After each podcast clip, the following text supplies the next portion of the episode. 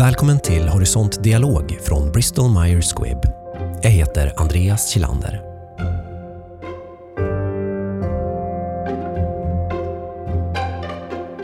Vården har sedan länge befäst sin plats som väljarnas viktigaste valfråga och valet 2022 innebär både fortsättningen och början på många viktiga frågor för hälso och sjukvården. Vad vill egentligen politiken med svensk vård och life science efter valet 2022? Och hur säkerställer vi att viljan blir till handling och till bättre och jämlikare vård för patienterna?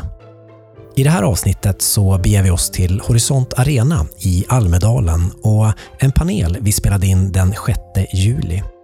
Är det något som genomsyrar Almedalsveckan så är det dialog och samverkan mellan olika aktörer.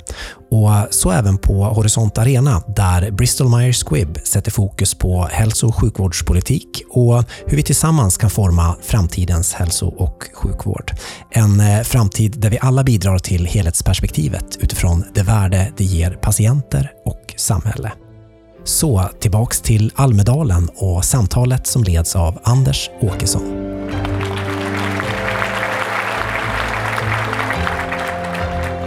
Tack. Eh, jag heter Anders Åkesson och ska få förmånen att leda det här lilla samtalet om vart vi har varit någonstans vårdpolitiskt och vart vi är på väg någonstans. Eh, och, eh, och inte minst också i, i, i ett läge när medborgarna också rankar vården som en av de viktigaste frågorna en samhällsutmaning är det många som uttrycker det som att säkerställa det här. Alltifrån att god tillgänglighet till vården men också säkerställa att det är god behandling och, en bred samverkan någonstans. Och vi lägger upp det här i tre pass, tänker jag. Eh, ett perspektiv, vad har hänt? Pass två, vart är vi på väg? Och tre, lite grann kring samverkan och vad, vad behöver vi göra framåt och vad, vad, hur ser vi på hälsodatautveckling och digitalisering i stort? Vi har en eminent panel med oss. Jag tänker vi börjar här och presenterar oss i, i denna riktningen. Vi börjar med dig Margareta. Vem är du? Jag heter Margareta Haag och jag är ordförande för Nätverken mot cancer som är en eh, paraplyorganisation för cancerprofilerade patientorganisationer. Mm. Och det är extra viktigt med samverkan med patientorganisationer. Jag såg att jag hade missat det. Ja. ja. Det är ganska vanligt skulle jag säga. Precis, och jag tänkte att jag vill redan ta den bollen så att det inte glöms bort. Ja, Skillberg. Ja, Shibert Triber heter jag. Vem är du? Det är ju en ganska filosofisk fråga. Men jag förmodar att det inte är det du vill ha svar på Nej, idag. Funktion eh, snarare. funktion snarare. Jag är ordförande i hälso och sjukvårdsnämnden i Region Skåne och liberal. Varmt välkommen Skillberg. Acko? Ja, vem är jag? Jag är föreningsmänniska då. Eh, Acko Ankarberg Johansson, kristdemokrat, riksdagsledamot och ordförande i socialutskottet. Sofia? Sofia Nilsson, riksdagsledamot för Centerpartiet, ledamot i socialutskottet och talesperson för omsorg och psykisk hälsa. Välkommen. Tack. Kristina? Kristina Nilsson, Socialdemokraterna, vice ordförande i socialutskottet. Mm. Och Camilla? Camilla Waltersson Grönvall, jag är socialpolitisk talesperson för Moderaterna. Mm, och, all, och, alla har löparskor på sig mer eller mindre för att hinna runt mellan alla seminarierna. Ja, Jag tänker att vi helt enkelt börjar så här. Att eh, vi låter eh, Kristina eh, säga någonting eh, utifrån perspektivet. Vad har, vad har vi lärt oss av de sista fyra åren någonstans? Och vad kunde ha gjorts bättre utifrån ditt perspektiv? Lite kort. Ja, lite kort. Eh, jag kom rusande från det förra seminariet så jag kände jag vet knappt vad jag är på för seminarium, men jag ska ja. försöka ändå. Vi ska prata om life science. Mm. Jag, jag, tänker att vi har, eh, vi har fått en life science-strategi mm. mm. på plats. Mm. Den är väldigt viktig och värdefull. Mm. mm. Vi har en eh, nationell samordnare för life science. tycker jag också är väldigt bra. Det jag tycker är oerhört viktigt är att vi har en bred politisk samsyn på vikten av att jobba vidare kring de här frågorna och att life science är en oerhört viktig bransch för Sverige och naturligtvis en oerhört viktig bransch för eh, medborgarna och medborgarnas möjligheter till att få tillgång till, till nya behandlingar till exempel vid eh, alla möjliga sjukdomstillstånd. Är det någonting annat, är det någonting utifrån ett hälso och sjukvårdsstruktursperspektiv när man tittar på verksamheten med, med hur vården är utformad som du också, ni har ju liksom lagt ett antal propositioner på primärvårdsområdet i ganska stor enighet. Har du någon kommentar kring det också utifrån strukturperspektivet? Ja, men jag tror att vi måste fortsätta att, att jobba vidare med frågorna hur vi får saker att hända i verkligheten. Mm. Eh, och just att stärka primärvården och att eh, fortsätta utveckla primärvårdens roll, det är en del att få det här att göra mesta möjliga praktisk nytta i verkligheten. Och jag är väldigt glad att, att ha det här gänget med här, för att just i de här frågorna tror jag att det finns en väldigt bred samsyn. Mm.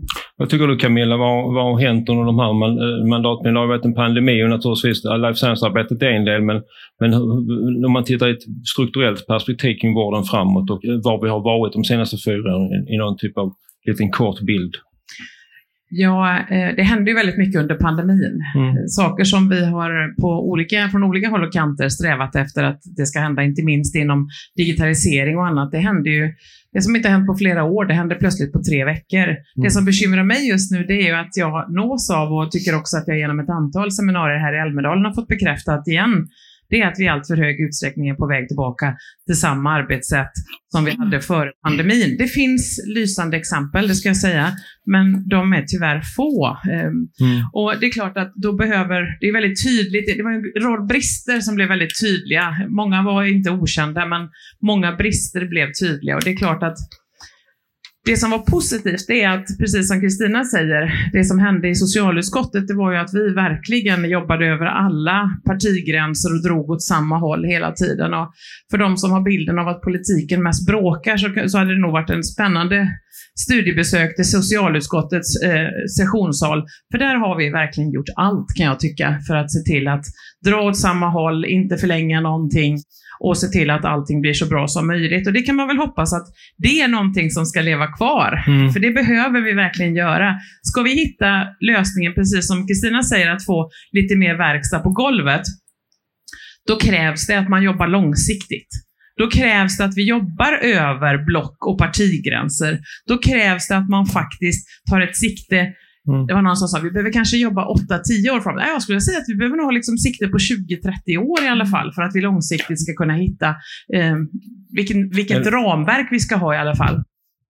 Men när det gäller life science? Nej, men vi, ja. kom, vi, vi, kan, vi, kan, den, vi, kan, vi kan komma till den frågan så småningom. Om man tittar på det perspektivet, är det någonting som du har lärt dig då? Att, att, att mer, mer gemensamma utspel tillsammans, eller arbeta närmare varandra? Jag är väldigt glad över att vi pratar med alla. Det har ju mm, vi mm. gjort under lång tid och det mm. tycker jag att man mm. åtminstone i socialutskottet gör. Vi, vi pratar med vilket parti den vara månde. Det är sakfrågorna som är intressant. Alltså när, när liv står på spel, då har man liksom inte tid att gräva ner sig i några politiska skyttegravar, utan då måste man faktiskt agera och det tycker jag vi har gjort. Akku, vad, vad, vad, tycker du du bär med dig från de senaste fyra åren någonstans utifrån ett strukturellt perspektiv?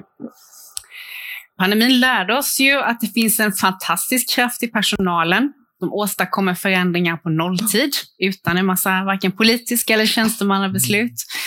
Vi har lärt oss att vi är alldeles för dåliga på arbetsmiljö och arbetsvillkor. Vi sliter ut vår personal på grund av att de är så dedikerade och att de är för få.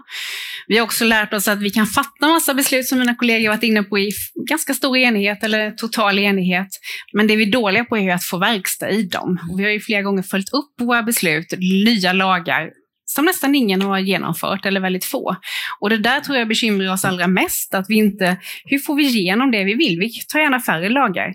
Men just nu primärvårdsproppen jobbade vi ju ganska mycket med i utskottet för att få ihop den på ett bra sätt. Men den har ju knappt börjat verka än, eller hur? Mm. Det har ju inte hänt någonting så att det är fler som har fast namngiven läkarkontakt och så.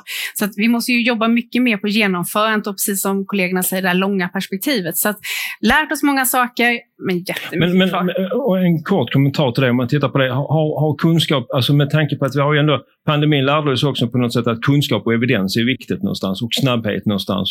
Eh, har det liksom också funderat har det någon annan strukturella diskussioner som du tycker du kan, man bär med sig? Förstås att eh, vi måste ha mer nationell styrning i många frågor. Okay. Det är nästan mm. återkommande i pandemin så har vi börjat mm. samverka på bredden. Mm. Eh, tidigare så var det väl så att varje region försökte lösa det var och en för sig. Mm. Nu såg man ju till att vi behöver hantera våra IVA-patienter gemensamt. Så att klarar man inte på hemmaplan så såg man till att lösa det någon annanstans. Och en del av frågorna behöver nationell styrning, annat behöver man samverka nationellt som regionerna gjorde ganska mycket. Mm. I ett övergripande perspektiv, vad har du lärt dig? Liksom, det var ju första mandatperioden för dig också i mm. socialutskottet. Eh, omtumlande bara det kanske, men, men, men utifrån ett strukturellt perspektiv, liksom, vad har Centerpartiet lärt sig utifrån de här fyra åren i socialfrågorna? Ja, vilken mandatperiod vi har haft. Mm. Um, jo, men utöver det som både Ack och Camilla och Kristina har pratat om så mm. tycker jag att jag har tagit till mig under pandemin, det är verkligen liksom um, alltså det nationella, det europeiska perspektivet. Mm. Just kring liksom samarbetet mellan eh, smittspårning, smittspridning, vad gäller vaccinationer, vad gäller liksom EUs roll i att faktiskt snabbt få fram eh, vaccinationer. Vårt liksom gemensamma ansvar för vår befolkning i Europa. Virus och bakterier känner ju liksom inga gränser. Här har vi, liksom, vi står oss ganska slätt om vi bara pratar om Sverige i de perspektiven. Och där tycker jag att vi fick liksom ett bevis på dels hur bra det faktiskt har fungerat, på hur mm. faktiskt snabbt vi kunde få fram vac vacciner och hur vi mm. kunde samarbeta inom Europa. Mm. Men också vikten av liksom samarbetet mellan politiken, alltså Europa och industrin, alltså mm. forskningen. Eh, där ser jag ju att vi har liksom en jättefördel av den liksom, strukturen vi har i Europa, men jag tror att vi behöver skruva och vässa den ännu mer för att vi ska kunna liksom, vara lika effektiva framöver också. Är det intressant utifrån perspektivet att Sverige nu blir EU-ordförandeland?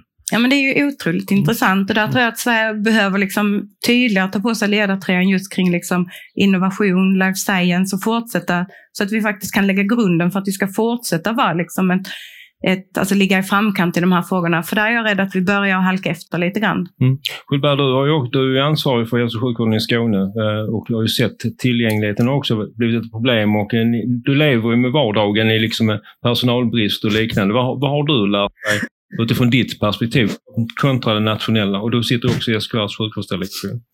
Ja, det gör jag. Jag sitter ju också i nämnden för högspecialiserad ja. vård, ska jag ja, säga, ja. där jag sitter. Eh, men ja, nu kanske det låter jättetrist jämfört med alla dessa fina samstämmigheter för riksdagspolitikerna. Det har varit jättefina saker ni har gjort i riksdagen, absolut. Men det har varit väldigt verklighetsfrämmande emellanåt, ska jag säga. Extremt verklighetsfrämmande. Eh, vi har fattat mängder med politiska beslut, ska jag säga, för att underlätta den här omställningen så att det inte har fattats politiska beslut. Eh, det har det gjort för att underlätta för våra medarbetare att göra den här omställningen och vi försöker nu upprätthålla den.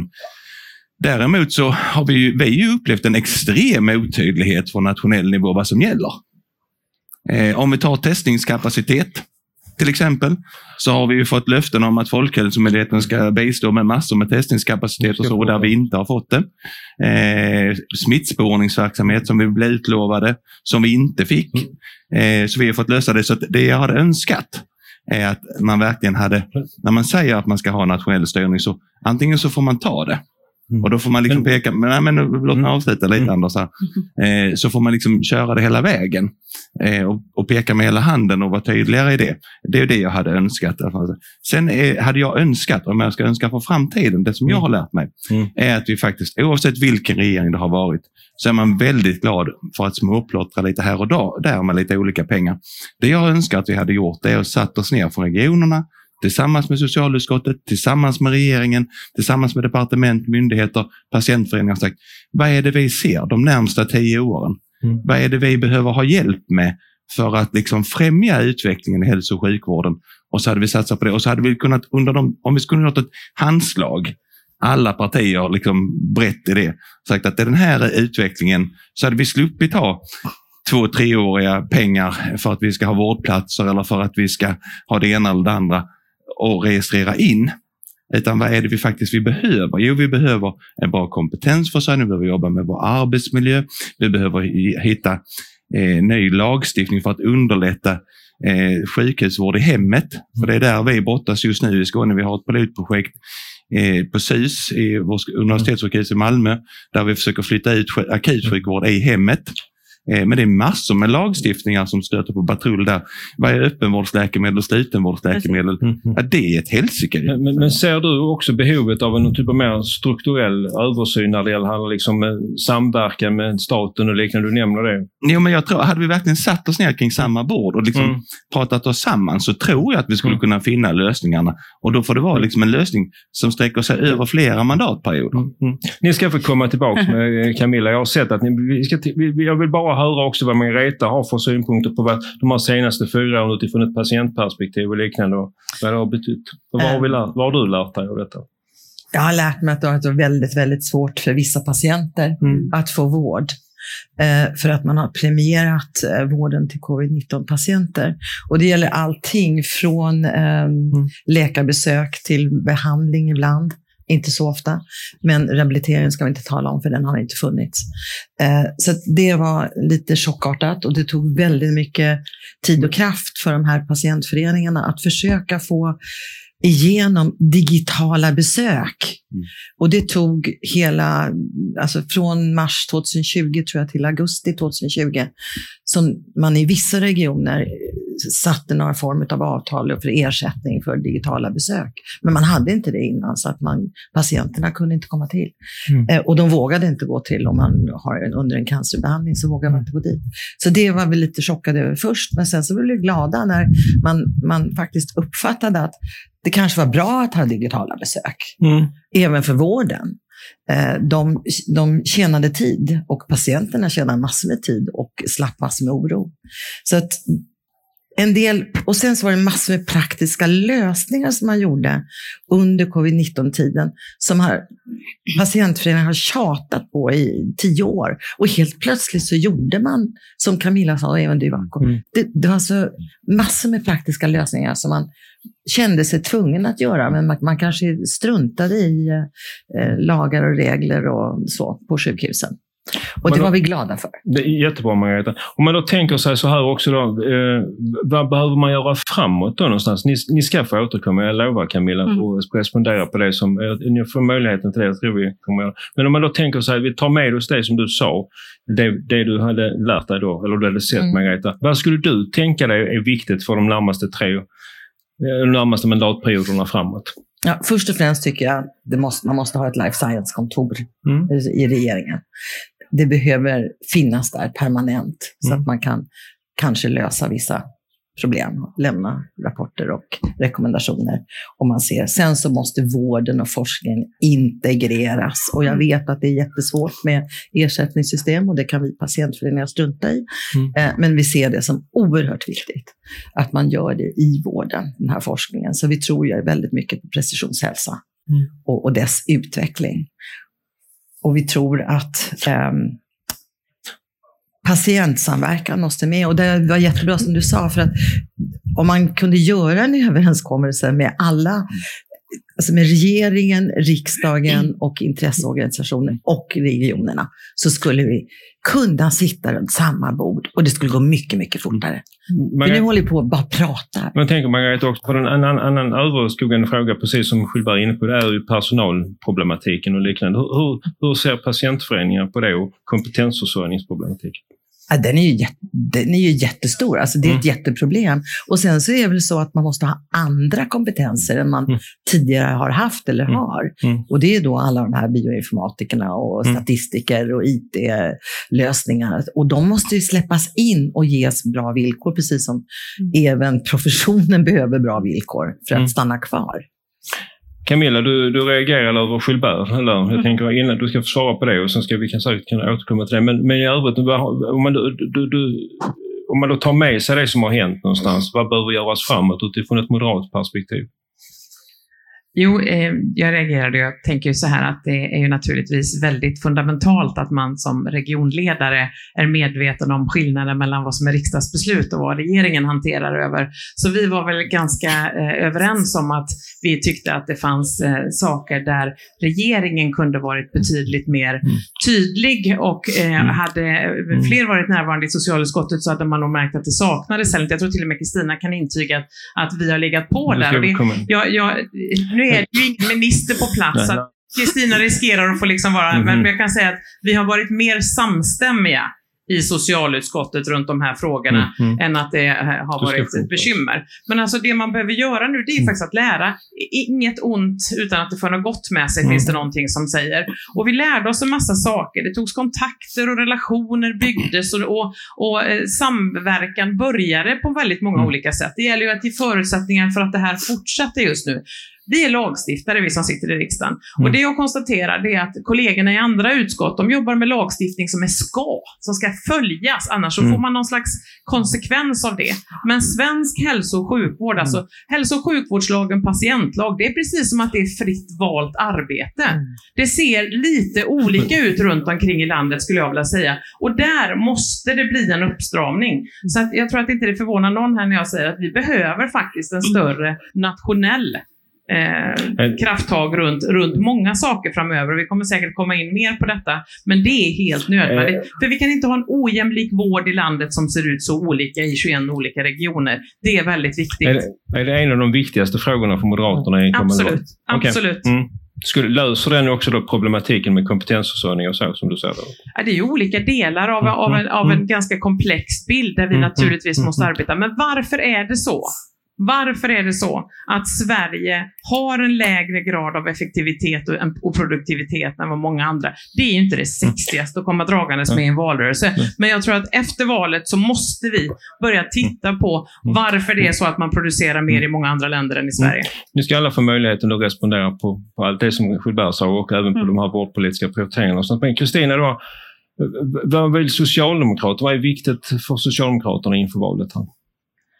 Ja, men jag tänker att det är väldigt viktigt att vi lär oss så mycket som möjligt av de här erfarenheterna vi har gjort under mm. pandemin. Och det har till mm. exempel visat på att eh, vi kan samverka ganska snabbt eh, mm. på många områden. Mm. Forskning kan gå snabbare än vad vi någonsin kunde tro.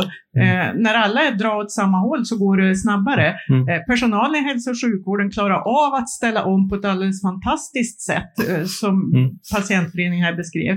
Eh, jag tänker att jag blev lite provocerad av det här att vi skulle ha mer breda samtal. Vi, vi har ju ändå SKR som, som vi styr väldigt mycket genom överenskommelser med SKR. Och jag tänker också att det där behöver vi kanske titta närmare på. Eh, hur ska statens styrning se ut i framtiden? Det tror jag vi alla är överens om att vi kan behöva se över. Eh, Ökad statlig styrning? Ska, I viss mån kan det behövas okay. mer statlig mm. styrning.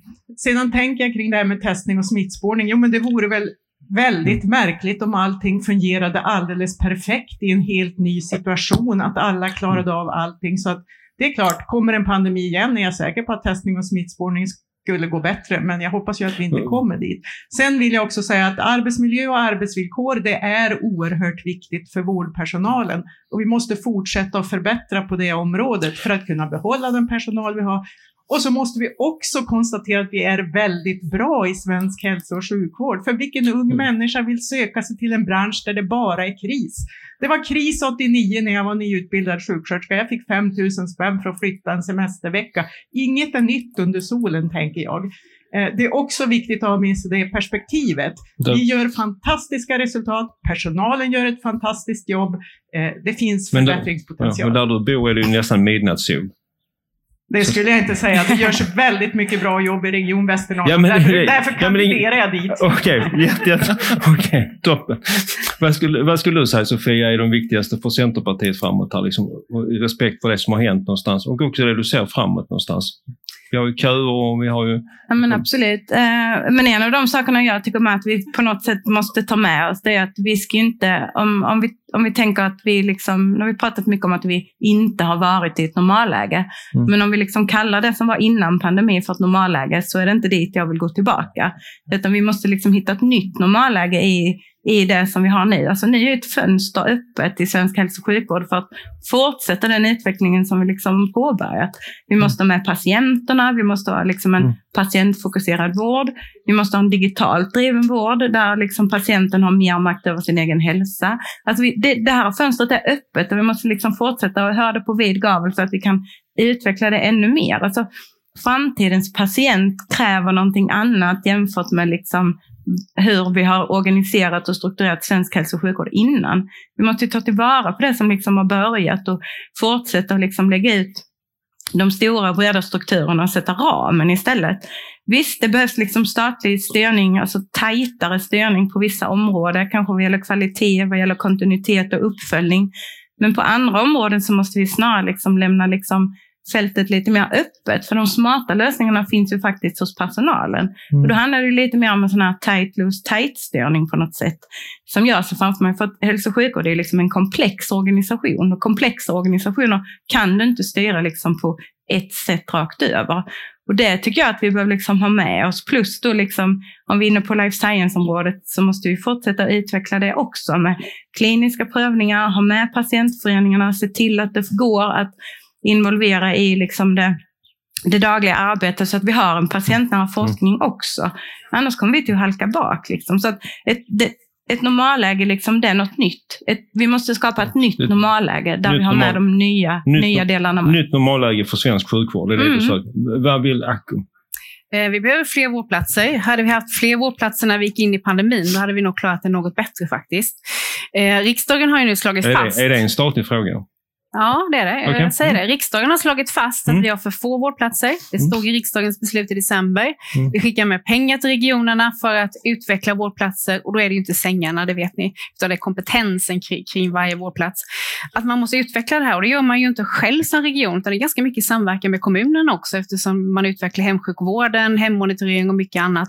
Men vi måste öka antalet vårdplatser den närmaste tiden för att vi ska klara det som hälso och sjukvården kräver. Och det är inte i motsats till att man kan göra mycket som dagkirurgi eller som läkemedelsbehandling, utan det är, för, det är liksom för tajt i sjukvården. Vi måste kunna skapa det utrymme som gör att man klarar av arbetssituationen.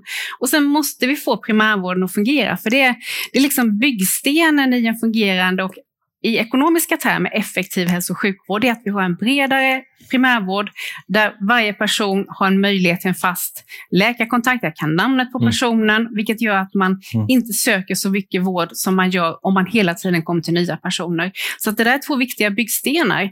Men sen vill jag ändå skicka med som respons till regionerna att vi fick ju utskottet åse precis de problem du säger med smittspårning och testning under hela våren, där, där vi kallar till oss regeringen och Sveriges kommuner och regioner och Folkhälsomyndigheten och de var inte överens vid något sammanträde nästan om hur man skulle göra detta.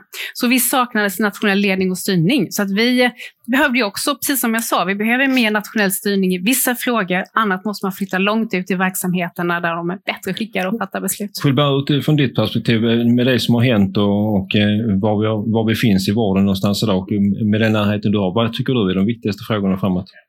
Det ena är ju att jag håller med om att det behövs mer nationell styrning i vissa delar. Det är kanske är ovanligt för regionpolitiker att säga, men det tycker jag att det behövs. Men också en tydligare styrning i de delarna som ska vara. Mm. Och sen också en långsiktighet. Eh, det är ett jättefint initiativ med vårdplatserna. Men det kommer så här snabbt, så kort, utan någon eftertanke alls. Ursäkta. Eh, det, det, ställer till det. Och det är inte första gången det kommer statliga pengar som bara så här liksom ska, upp, nu får ni dem. Och så ställer det faktiskt till mer besvär för oss att reda i det. Eh, och till och med ibland så att det kostar oss mer pengar än vad vi får av staten för att göra nytta av de pengarna. Och det blir ett bekymmer. Och nu menar jag inte att tjafsa mer, men, men det verkligen blir. Så jag hade önskat att vi hade tagit ett vitt blad. Det jag var inne på innan Margareta. Ett helt vitt ark satt oss ner tillsammans. Sen må hända att, eller SKR är vår medlemsorganisation, men när det kommer från regeringen att vi ska förhandla om någonting så är det ju en färdig tanke från regeringen vad man har så ska man förhandla fram detaljerna kring det. Det jag hade önskat att vi hade startat från scratch och sagt att vad är det svensk hälso och sjukvård behöver för att kunna utvecklas och vara här framme om tio år? Och så hade vi fått laga ihop det tillsammans. Sveriges regioner, kommuner, patientorganisationer, mm departement och så vidare mm. som behöver vara med. Det tror jag hade varit en framkomlig väg. Och så hade man fått ta ett handslag och sagt att de här statsbidragen här ska vi ha för att verka för detta. Det tror jag. Vi, vi försöker göra den omställningsarbetet i Region Skåne nu internt eh, i något som, liksom där vi försöker sätta upp målsättningen. Här, här vill vi ha skånsk hälso och sjukvård om tio år. En mål där vi vill nå. Och sen så fattar vi, och det är ganska jobbigt som politiker att inte fatta detaljbesluten utan fatta den och så följa det efterhand. Tycker jag är jätteläskigt i magen ska jag säga. Det är många fler än jag hemma i regionen som tycker det är jobbigt. Men där vi måste för att då följa det här arbetet så har vi tillsatt en politisk styrgrupp med en för varje parti som följer det här arbetet. Och när det då krävs ett politiskt beslut så tar vi upp det i hälso och sjukvårdsnämnden och fattar ett politiskt beslut.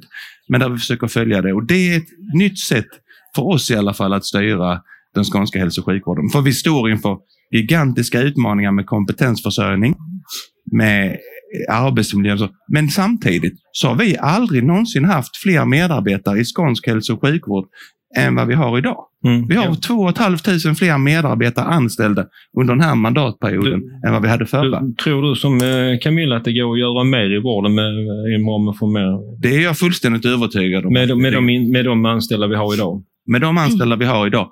Men också att vi får in andra, som mm. Margareta är inne på, mm. att andra yrkeskategorier också mm. måste in. Men eh, om vi på något sätt ändå, det som ändå eh, Kristina var inne på här i början också kring arbetet kring life science och ett mer personcentrerat perspektiv kring inte minst god tillgänglighet till vård och behandling någonstans och tillgång till hälsodata och liknande. Jag tänker att vi börjar om igen. Liksom. Eh, och, och Camilla, du, ja. Mm. Jag, ville, jag ville bara kommentera ja. faktiskt mm. att, att om man mm. gör vården utifrån patientens perspektiv, organiserar mm. den efter patientens perspektiv, då måste patienten vara med från mm. början. Mm. Och samverka med vilka det nu än är. Va? Med arkitekter, mm. med vården, med mm. forskare, med mm. regioner och sedan ända upp till eh, nationen. Och vi tror ju på att det måste finnas en form av nationell styrning. För att Alltså jag vill inte ens säga att vi har 21 regioner. Jag är trött på att säga det. Men, men det är så att så länge man har de här 21 regionerna så blir det faktiskt ganska komplicerat och väldigt ojämlik vård. Mm. Eh, så det, det, skulle jag vilja ha med. Och sen så i det så ligger att vården och forskningen måste liksom kroka arm. Och vi patienter vill ha varje patient en klinisk studie. Och vi har långt dit, jättelångt dit. Men det är ju liksom den framtida vården. Så att vi, vi måste tillse att både akademin och företag faktiskt släpps in och hjälper oss med detta. Hur, tänker, det att, tänker du att man skulle stärka den samverkan då?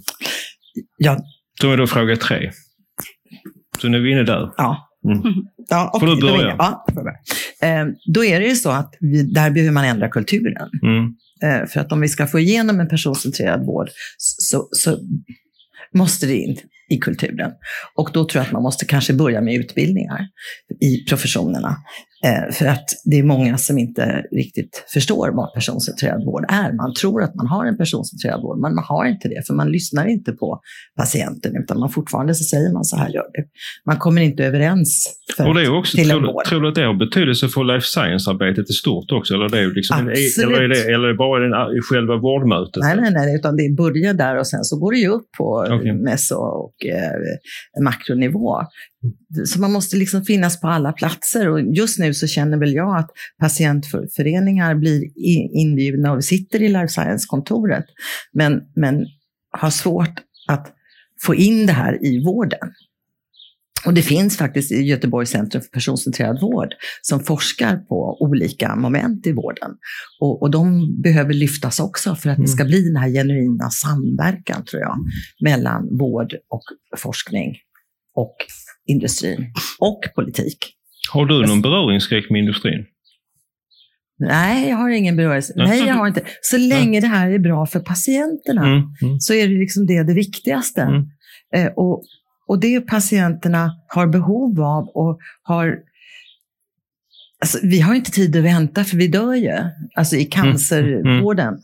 Så vi, vi gör ju allt för att det ska bli bra för patienterna. Mm. Och vi försöker då med samverkan och håll, har alltså nu gjort en mm, studierapport om samverkan 2.0 som vi hoppas vi lägger på Jenny Nordborgs eh, bord, om Jenny finns kvar i september. Och då hoppas vi att det finns någon verktygslåda för samverkan mellan vård och forskning och patienter och industrin. Vi får en minut till detta Camilla, kring hur man, hur man stärker samverkan mellan industrin och generellt och inte minst också liksom utifrån ett perspektiv även med, med vården i stort. någonstans. Jag måste bara börja i att det som är det viktigaste just nu det är att få bort köerna. För att om vi mm. fortsätter att bara eskalera mm. köerna i svensk mm. sjukvård, då kommer vi liksom inte att kunna börja jobba på ny kula eller fortsätta framåt. Och det berör ju forskning och precis vad som helst. Så att eh, jag tror att det finns lite beröringsskräck. Jag tar den också och den tror jag att vi måste jobba med lite grann. Vi, vi, vi måste jobba jobba mm. mellan politik och samhälle, brett akademi och, och, och eh, bolag. Det är helt nödvändigt för att komma framåt. Eh, jag tror att man behöver ge lite större mandat Eh, här ska det inte tas, fram, eller eh, tas bort någon, någon life science-samordnare, men det här med att samordna och att ha ett mandat att faktiskt kunna, kunna göra saker, att, att ha ett nationellt uppdrag som jag tror att det går att vässa. Så att det här är ingen kritik på något sätt, utan snarare en reflektion av, av att se att det, det behövs ge ett starkare mandat för att det ska hända lite till i de här frågorna. Eh, så att eh, viktigt att, att få till fler kliniska prövningar, viktigt att få till att man får mer grundforskning, att vi, vi i vardagen kan erbjuda vår personal att forska, att det är en naturlig mm. del. Jag har träffat flera här som visar att jag har några procent andel forskning i min tjänst. Men så fort det är lite för lite folk, då är det alltid min forskning som får stryka på foten och så måste jag in och jobba. Och det, det är klart att på det viset bygger man inte långsiktigt hållbar forskning. Så att det är ju, alltså personalförsörjningen är ju så otroligt intimt för, förknippad med just den här frågan. Kristina, får du sista ordet för din del? Ja, jag måste nämna det här med beröringsskräcken också. Jag tror att det har ju historiska förklaringar, vi som mm. är lite äldre, typ mm. jag då. Vi kanske tänker tillbaka på 90-talet och tänker att det kanske fanns lite väl mycket interaktion mellan profession och eh, bolag i olika konstellationer. Jag tror att vi måste komma bort ifrån den. Jag tror att vi, må, vi har tydliga etiska riktlinjer. Vi vet, vi som polit politiker, vilka mm. det är vi interagerar med och vi vet eh, hur de ser ut. Så att det tror jag är någonting som måste arbetas bort. Vi måste kunna umgås på ett mer naturligt sätt utan att det ska misstänkliggöras. Jag tror att båda parter klarar av det. När det gäller kliniska studier så måste vi veta varför ser situationen ut som den gör och nu har ju TLV ett uppdrag att titta just på detta kring kliniska studier eh, så att vi som politiker kan få ett beslutsunderlag. Vad behöver vi fatta mm. för beslut för att fler ska komma i kliniska studier? För att vi har ingen, ingen olika avvikande uppfattning där heller vad jag vet, utan det här är någonting som vi verkligen vill jobba tillsammans för. Och jag hoppas också att vi ska jobba tillsammans med eh, villkoren för vårdpersonalen att lyssna på vårdpersonal. Därför att utan personal blir det varken kliniska studier eller vård. Eh, dessutom uppföljning vill jag nämna. Vi måste bli mycket bättre på uppföljning. Till exempel när det gäller patientkontrakt som jag förstår är vad patientföreningen efterfrågar, för det är ett sätt att bedriva personcentrerad vård där vi liksom har ett avtal mellan vård och vi vet vad som ska hända i nästa steg och så vidare och så vidare.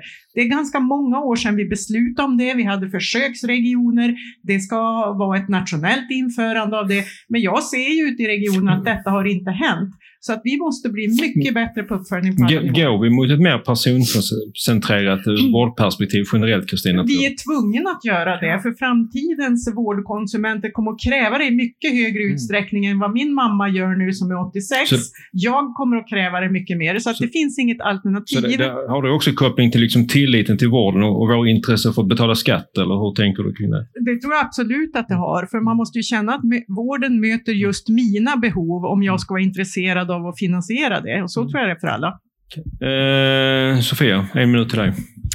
Um, tvungen till att um, ha mer personcentrerad vård. Jag hoppas att, jag tycker inte att det är ett tvång, jag, tycker att det är liksom att, jag hoppas verkligen att det är därifrån det kommer till att drivas framöver. Mm. En fråga som vi inte har varit inne på precis idag, men som liksom är avgörande för att vi ska kunna ha mer både precisionshälsa, precisionsmedicin, mer eh, individ, liksom, patientcentrerad och patientfokuserad vård, det är ju hälsodata. Mm. Eh, en avgörande del för att vi överhuvudtaget ska kunna fortsätta den här utvecklingen, både vad gäller digitaliseringen, patientens egen makt, vad gäller att vi ska kunna forska och bedriva klinisk kliniska prövningar och så vidare, då är det tillgången till hälsodata och den har vi fortfarande inte på plats i den, den utsträckning som vi skulle behöva. Och där är ju liksom, snacka om att vi liksom kan ta stora steg fram när vi verkligen har liksom sett till att patientens hälsodata, det är jag som äger den, det är jag som för den med mig, jag kan avgöra mm. vem det är som ska få tillgång till den och så vidare. Då kan vi verkligen skapa någonting som liksom har ett förebyggande och liksom mm. hälsofrämjande perspektiv. Så den delen måste mm. vi absolut ha på plats också. Utveckling av hälsodata. Men Acko, eh, du får också en minut. Ja, hälsodata måste vi få ordning på. Eh, I riksdagen var enig redan i maj 2019 om att staten måste ta ansvar för mm. den delen som handlar om standard, att få till överens om hur rälsen ser ut. Inte vilka system man ska ha, utan hur, liksom, vilka standards finns för, för digital vårdinformation. Och SKR instämde ganska snart i det, att det är en typisk statlig uppgift. Men det var ju först i måndags man fick den sista utredningen på plats som mm. kan möjliggöra det här från regeringens sida. Och den är jag jätteglad för. Men det tar ju lite tid innan den kommer fram och innan innan det blir verkstad.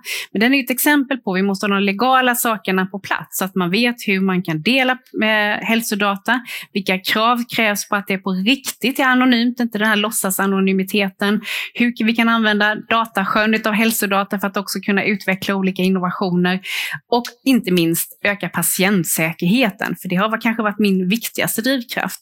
När jag söker vård, oavsett var jag är, så ska ju de jag möter kunna ta del av all digital vårdinformation som är relevant i det mötet så är det fortfarande inte. Om du ramlar in på akuten här på Gotland så är det inte säkert att de får reda på allt de behöver om dig. Och de gör ju ett fantastiskt jobb med att ta hand om oss ändå. Men det där måste vi ju ordna, det är en typisk statlig uppgift. Och dröjer lite, men den där måste till. Tack för det. Och så får du sista ordet här på bara en minut. Ja, jag är inte bara säker, utan jag är säker på att de inte får reda på den väsentliga mm. informationen om mig på Gotland som finns i Skåne. Det vet jag med 100% säkerhet, tyvärr. Det har varit mycket bra som har sagts här. Eh, och vi kan väl fortsätta i den här samstämmigheten efter Almedalen, tänker jag, så att vi kan jobba mm. vidare. Men en sak som jag efterlyser, det är att när man fattar beslut nationellt, att de ändå hänger lite ihop. Nu har vi en nationell primärvårdslagstiftning som börjar gälla den första i sjunde. Men vi får inte föreskrifterna hur det ska gå till och tillämpningen förrän i mitten av januari. Och för mig som regionpolitiker som faktiskt i november månad ska fatta villkoren för mina vårdcentraler, inte mina, men ja, Region Skånes vårdcentraler, privata och offentliga, i november, så blir det lite svårt när jag får en nationell föreskrift som kommer i mitten på januari. Och det är inte riktigt bra. Så det är väl kanske det jag hade efterlyst. Att det kanske... Prata med regeringen. Ja, ja, jo, jo, jo, Men då får kanske riksdagen, man kan inte bara skylla ifrån sig ska jag säga. Riksdagen har kanske också ett ansvar att se till att man fattar beslut om att lagstiftning börjar gälla så att man hinner skriva tillämpningsanvisningar och sånt som kan komma i, gälla i kraft. Det är väl en önskan jag kan ha. För det är jag som sen sitter med skiten för att jag inte har infört lagstiftningen fullt ut. Va? Och det är inte så roligt. Alla Sen har jag ett, ett medskick bara som jag skulle önska. Vi som då är en gränsregion, nära till Danmark. Danmark är världens främsta producent av fläsk av grisar, men de är också världens främsta producent av läkemedel och deras life science. Titta lite på dem. Ja, sen stoppar de lite mycket mm. läkemedel i grisarna också, men det har vi inte med här. Men att vi då tittar på det, vad de faktiskt gör. Och att vi kanske lär oss av dem, men också att vi för vår del i Skåne, vi har ett ganska mycket regler som ställer till det för oss. Bland annat att mm. kanske vår regering hade uppvaktat den danska, för nu har de till exempel fattat ett beslut att danska forskningspengar bara får användas i Danmark. Och det är ett bekymmer för oss som har mycket gränssamarbeten där vi faktiskt har mm. forskningsprojekt som går över sundet. Och det är en sån sak som jag skulle önska ha med sig. Att, snälla titta på det från nationellt håll, för det skulle underlätta jättemycket för vår life mm. science i Skåne i alla fall. Stort tack, tack Camilla, stort tack eh, Kristina, eh, stort tack Sofia, stort tack Acko, Gilbert och Margareta och stort tack till er. Utan tvekan så är det, det är drygt eh, två och en halv månad kvar till valet kan jag säga. Regionpolitiken lever mer än någonsin och hälso och sjukvårdspolitiken lever mer än någonsin, inte minst kopplat till det. Stort tack för en intressant diskussion och stort tack till er. för att du har lyssnat på Horisont Dialog. Vi eh, hoppas att du fått nya tankar, inspiration och eh, kunskap som du kan ta med dig in i din vardag och dina egna sammanhang. Blir du nyfiken på fler aktuella frågor inom vård, politik och samverkan så rekommenderar jag att du besöker horisont.bms.se. Det är Horisont med Z. Så eh, stort tack igen för din lyssning och för att du engagerar dig i framtidens vård. Ha en bra dag!